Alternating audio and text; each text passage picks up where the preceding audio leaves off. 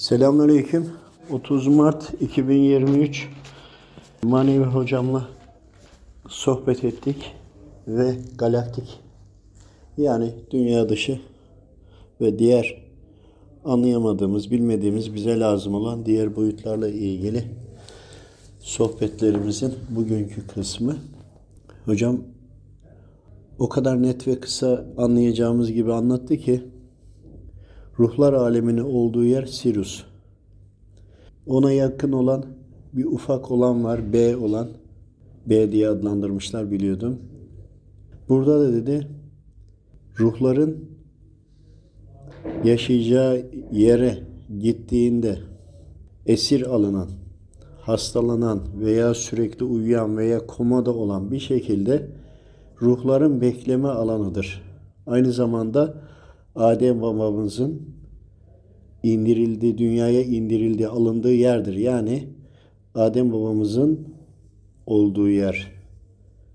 Ve ruhlar bedenle yani ruhun bir herhangi bedene kavuştuğunda Sirius B kullanılıyor. Ve Sirius B'den sonra bir tane daha var ve daha uzakta bir tane daha var.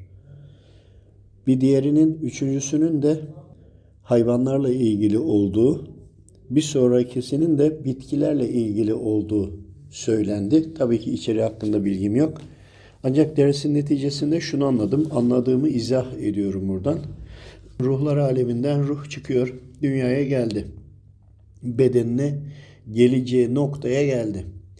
Geldikten sonra bu geliş esnasında gelmesiyle birlikte veya sonrasında eğer ruhu kabzedilen yani e, şeytan tarafından alınan, esir alınan olursa veyahut da komaya giren bir şekilde bitkisel hayatta olan varsa o ruhlar Sirius B'ye gidiyor. Fakat dünyamızda da yine ruhun o noktası var. Yani Sirius A'dan çıktı, dünyaya geldi, dünyadan da yansıdı, Sirius B'ye geldi.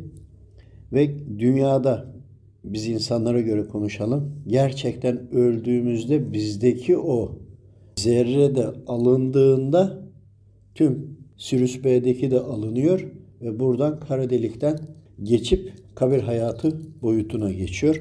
Özellikle sordum kabir hayatı ve cennette bu bizim algıladığımız kısımda mı diye. Özellikle defalarca sordum. Hayır denildi. Sizin anlayacağınız maddesel boyuttaki izahatı kara delikten geçersiniz kabir hayatı. Kabir hayatında da buna benzer düzenler vardır. Orada da ölürsünüz. Mahşerde yani oranı da kara deliğinden geçince bir sonraki mahşerin olduğu gezegene geçer.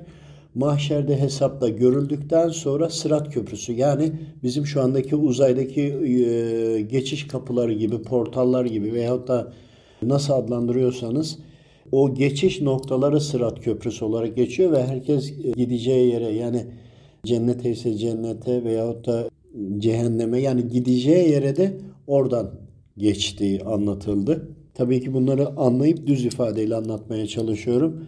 Bizim ruhların bedeniyle yaşadığı alan bu. Kabir hayatında da geçiş noktamız yine buradan kara deliklerle.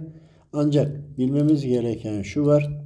Baygın, hasta veyahut da rüya gördüğümüzde de gidilebiliyor. Rüya her zaman oraya olmuyor ama yani bizde ruhun şartı bir şarteli de bizde var. Ölümle birlikte bizden o şartel yerinden komple söküldüğünü, o nurun alındığını bilin.